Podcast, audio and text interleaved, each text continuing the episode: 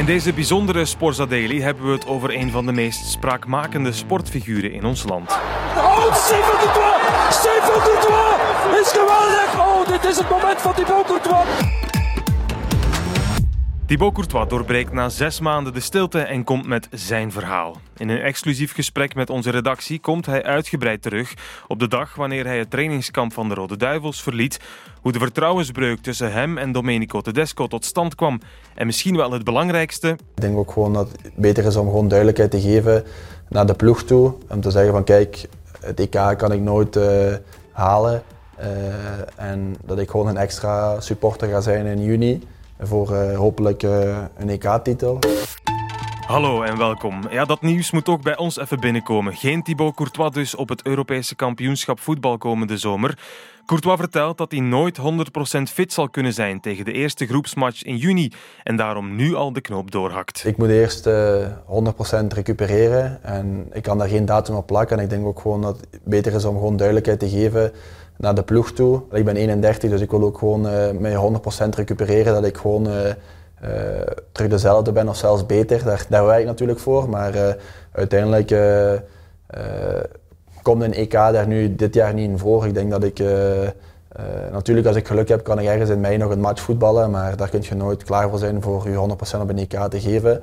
Dus ik denk dat ik sowieso ook voor mijn carrière uh, dat voorop moet stellen. En ook uiteindelijk stelt je de ploeg daarin voorop dat je uh, niet tegen 80 of 85 procent in, de op, in de goal staat op een EK. Ik denk dat je daar uh, je eer aan de kant moet schuiven en zeggen van oké, ik laat het aan andere goede keepers over.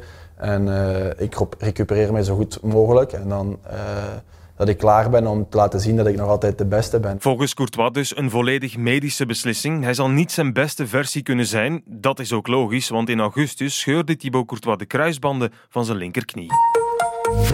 Doelman Thibaut Courtois heeft op training met zijn club Real Madrid een zware knieblessure opgelopen. De voorste kruisband van zijn linkerknie is gescheurd en Courtois zal geopereerd worden. Alles gaat uh, volgens plan, zelfs sommige dingen iets beter natuurlijk. Normaal uh, begint je te lopen vanaf vier maanden, ben al een week aan het lopen, dus uh, eigenlijk gaat alles wel vlot. natuurlijk zonder druk van tijd of zo, maar wel gewoon dat alles goed verloopt. En, sinds de operatie heb ik eigenlijk geen enkele terugslag gehad of een moment dat de knie wat moeilijker deed of zo. Was allemaal uh, heel goed. En gewoon uh, ja, geduld hebben natuurlijk, want dat is natuurlijk een lang proces. En ook de club heeft het heel duidelijk tegen mij gezegd dat ze willen dat ik uh, echt 100% recupereer, dat ik niet te vroeg terugkom. Dat het, zelfs als ik dit seizoen niet meer zou spelen, dat het ook oké is. Uiteindelijk is dat gewoon ja, natuurlijk willen ze me nog veel jaar in de goal hebben hier. Dus dat is natuurlijk het vertrouwen dat zij in mij hebben. En dat vertrouwen ook niet te beschamen door te snel terug te komen. Ik ben 31, ik ken ook wel mijn lichaam, ik weet wanneer ik er 100% klaar voor zal zijn. Als dat april is, is dat goed. Als dat mei is, is dat ook goed. Maar het is moeilijk om daar een datum op te plakken. Maar zijn keuze om niet naar het EK te gaan is eigenlijk ook meer dan medisch. Hè? Zijn band met bondscoach Domenico Tedesco is op zijn zachtst gezegd troebel. We praten ook met Stef Wijnands. Hey Stef. Olivier, goedemiddag. Jij hebt het interview afgenomen daar in Madrid. Hè. Hoe is dat tot stand gekomen? Wel, uiteraard hengelen we al een tijd naar een uh, reactie. Hè. Dat zal iedereen wel uh, gedaan hebben. En uh, ja, Tedesco heeft de voorbije maand op elke persconferentie en elk interview over Courtois gesproken. Andere spelers hebben de voorbije maanden ook hun mening gegeven. En Courtois heeft altijd gezegd, ja, er was een afspraak dat we daar niets zouden over zeggen. Maar goed, hij vond het nu te veel. Hij vond het tijd om ja, zijn verhaal te doen wat hij nu gedaan heeft. Het was ook lang wachten op deze versie van de feiten, Stef. Hoe was de sfeer toen je Thibaut Courtois sprak? Ik moet zeggen dat, dat, dat die sfeer heel relaxed was. Hij was helemaal niet uh, zenuwachtig. Enfin, dat is hij, dat is hij zelden of nooit, moet ik zeggen. En hij wist uiteraard wel wat hij als uh, inhoud wilde brengen. Maar ik had eerlijk gezegd niet verwacht dat hij zo omslachtig zou uh, antwoorden. Ik dacht dat hij zijn verhaal kort en bondig zou willen doen. Nee, maar hij onderbouwt zijn mening. Hij staaft dat met voorbeelden. Het is uiteraard zijn verhaal, maar het is wel uh, gefundeerd. Voor we er echt aan beginnen, eerst even ons geheugen opfrissen. We schrijven juni 2023. Maarten, jij uh, begint met opschudding bij de Rode Duivels, ja, waar? Er is daar toch een bommetje ontploft uh, mm. bij de Rode Duivels. Hè? Want Thibaut Courtois, de doelman, die is gisteravond niet komen opdagen in Tubeke, daar waar alle Rode Duivels verzamelden. Een officiële uitleg van de voetbalbond is er nog niet, maar doelman Courtois zou onder meer ontevreden zijn over het feit dat hij afgelopen zaterdag tegen Oostenrijk de kapiteinsband niet mocht dragen. De emmer was al redelijk volgelopen en in die aanvoerderskwestie heeft Thibaut Courtois dan het zoveelste bewijs gezien van dat gebrek aan respect. De keuze van Tedesco om te gaan alterneren bij afwezigheid van De Bruyne. En dan ook nog eens eerst in die wedstrijd tegen Oostenrijk de aanvoerdersband aan Lukaku te geven was dan blijkbaar toch de druppel te veel. Maar volgens Thibaut Courtois is het verhaal genuanceerder dan dat. Als het alleen was voor het kapiteinschap, dan was ik in maart al opgestapt. Uh, want, maar dat is helemaal het probleem niet. Uiteindelijk maakt de coach een keuze dat Kevin kapitein is, geen probleem. Uh, en dan heb je Rommel en ik, die allebei vice-kapitein zijn, zonder dat er een hiërarchie is van deze is tweede, deze is derde. Dus uiteindelijk die week uh, speel ik mijn, oké, okay, was mijn 102e match denk ik, maar... Je werd gelauwerd voor je 100ste match van op Qatar. Ja. ja. inderdaad. Dus ik denk wel dat dat moment is dat je uh, als federatie, als trainer wel een mooie geste kunt doen naar een keeper die voor, u, voor het land zoveel heeft meegemaakt en zoveel heeft gedaan, denk ik. Uh, dus op dat moment denk ik wel dat ik, het mooi was geweest als symbool van, uh, van waardering en van uh, appreciatie en voor alles wat er gebeurt. En ook omdat ik na het WK echt me probeer met schouders onder een nieuw project te zetten. De aanvoerdersband is dus toch het symbool voor dat grote gebrek aan waardering. Waardering, een belangrijk woord voor de eerzuchtige doelman. Hij keept die match tegen Oostenrijk nog als aanvoerder en meteen na afluiten kan hij niet langer zwijgen en gaat hij de confrontatie aan met bondscoach Domenico Tedesco. Na de match ga ik met hem praten. Hij is natuurlijk verrast. Uh, gaat hij naar de persconferentie, zegt hij daar iets over de waardering naar mij toe. Wat natuurlijk een, uh, ja, ik weet niet, een beetje gewoon was, omdat wat ik tegen hem gezegd had natuurlijk. Uh, dan na de, na de wedstrijd ga ik mee op hotel. Uh, spreek ik met Frankie en de trainer, waar ik nog eens mijn verhaal uitleg. Waar ze allebei een beetje proberen natuurlijk te zeggen van ja, maar Romelu had de finale. Uh, eigenlijk heeft de trainer mij zeven versies verteld van waarom Romelu eigenlijk kapitein was. En elke versie was iets nieuws. Eén keer was het dat hij donderdag beslist had, één keer vrijdag, één keer zaterdag. Eén keer was al de dag na de finale. En ik denk Romelu is een van mijn beste vrienden van de nationale ploeg. We kennen elkaar al sinds we dertien zijn. Dus uh, ik heb hem ook meteen gestuurd uh, de dag erna om het verhaal uit te leggen. Dus helemaal geen probleem dat Romelu kapitein was, uh, verre van. Dus uh, uh, als de trainer naar mij komt op maandag en dinsdag en zegt van kijk Thibaut Romelu heeft een moeilijke finale gehad, ik wil hem steun geven door hem kapitein te maken, ben je de laatste persoon, de laatste, die daar moeilijk over zou doen. Je kan misschien wel zeggen van kijk, het is een speciale match voor mij, het zou mooi zijn als ik die ook kan dragen en dan is er een keuze aan de trainer. Maar dat hij niet één moment daarover nadenkt, wil zeggen eigenlijk dat er ja, dat er geen, ofwel geen feeling is, ofwel geen tact, ofwel te weinig waardering. Dus dat is gewoon een beetje het gevoel dat ik had. En die dag heb ik uh, heel lang met hem gepraat, allee, heel lang met Frankie gepraat, want de trainer is na 20 minuten weggegaan. Uh, hij had genoeg van met mij te praten om, ja, die situatie te redden en een beetje te praten. We hebben heel veel diep gepraat over de situatie bij de nationale ploeg, over dingen van de club, over alles samen, over het systeem, over alles. En dan opeens gaat die trainer zeggen tegen u van... Uh, uh, ja, ik ga alles tegen de pers vertellen, wat je mij vertelt. Dus eigenlijk mij onder druk zetten dat als ik wegga, of als ik zou zeggen van oké, okay, ik wil niet meer spelen, ja, ik ga alles tegen de pers zeggen, mij een beetje bedreigen en zeggen van oké, okay, ik ga alles tegen de pers zeggen, uh, dat kan niet. Uh, en dat was een gesprek met jou, Verkouteren en Tedesco, daar zat, daar zat niemand anders bij? Nee, weet je, dus eigenlijk is dat een privégesprek dat ik helemaal geopend heb natuurlijk. Zo opeens als je dan de dag erna een persconferentie ziet waar heel veel uh, zaken gelekt worden, ook naar de pers van dingen die daar gezegd zijn geweest, ja, dan is er gewoon een vertrouwensbreuk. For me, it would be easy, believe me. Uh, I would like to, to tell you that um, that it's a topic of, uh, of injury, but then I would lie to you. I can't do this.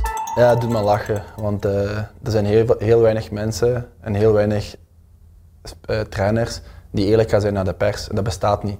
En er zijn genoeg van maart tot juni, heb ik genoeg dingen gezien dat hij zegt dat hij eerlijk is, maar dat hij niet eerlijk is. Dus uiteindelijk is dat een mooie geste naar de pers om de pers natuurlijk uh, achter hem te krijgen. Terwijl dat dat niet helemaal zo is. Ik denk als speler verwacht je die coach zelfs als, als speler als je echt... En ik begrijp dat ik fout was door weg te gaan. Denk als coach dat je toch nog moet proberen om een speler bij je te houden en niet een voorbeeld te willen stellen naar andere spelers en een van je betere spelers te verliezen. Ik denk op dat moment heeft hij uh, een, een aanval willen, willen lanceren naar mij. Wat hij had aangekondigd de dag op voorhand. En ik zei oké, ga je gang. Uh, maar ik zeg dat, dat gaat niet helpen en, en dat creëert een vertrouwensbreuk. Want uiteindelijk zijn er dingen gezegd in privé die naar buiten worden gebracht. Er zijn dingen gelekt geweest uh, dat ik weet dat dat van zijn kant is gekomen. Alles behalve lovende woorden dus voor de bondscoach van de Rode Duivels. Klare en duidelijke taal van Courtois.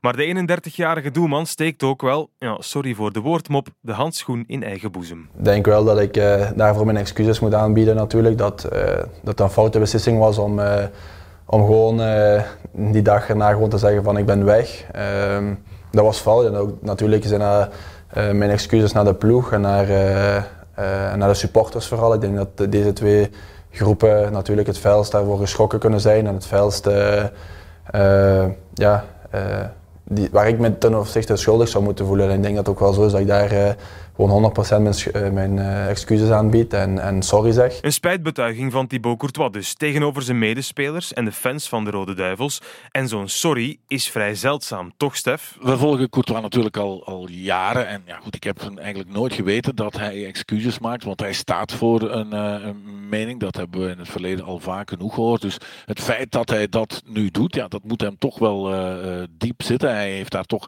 zijn uh, collega's in de kleedkamer en vooral de, de fans hard mee geraakt. Dat, uh, die, dat besef is er uh, uiteindelijk wel gekomen. Dus ja, het is zeer uitzonderlijk moet ik zeggen dat hij dat doet. Tijd brengt dus wijsheid, maar het heelt niet alle wonden. Nog niet. Nochtans is er in augustus een toenadering geweest vanuit de Voetbalbond. Technisch directeur Frank Verkouteren en CEO Manu Leroy gaan op visite bij Courtois. Dus dat ik opnieuw een verhaal moet doen en dan ben ik wel verrast door bepaalde bevindingen van, uh, van de CEO die bepaalde dingen juist gehandeld vindt, zoals de persconferentie. Omdat de pers het toch wist, moest het zo naar buiten komen. En dan ben ik wel verrast, want uiteindelijk, ik denk, niemand heeft iets publiekelijk gezegd, niet ik, niet de bond. Alleen bepaalde mensen die dingen lekken naar de pers. Dan denk ik wel, als je als bond iets beter kunt je, groep beschermen of een speler die belangrijk is geweest voor u, wel beschermen, wat niet gebeurt.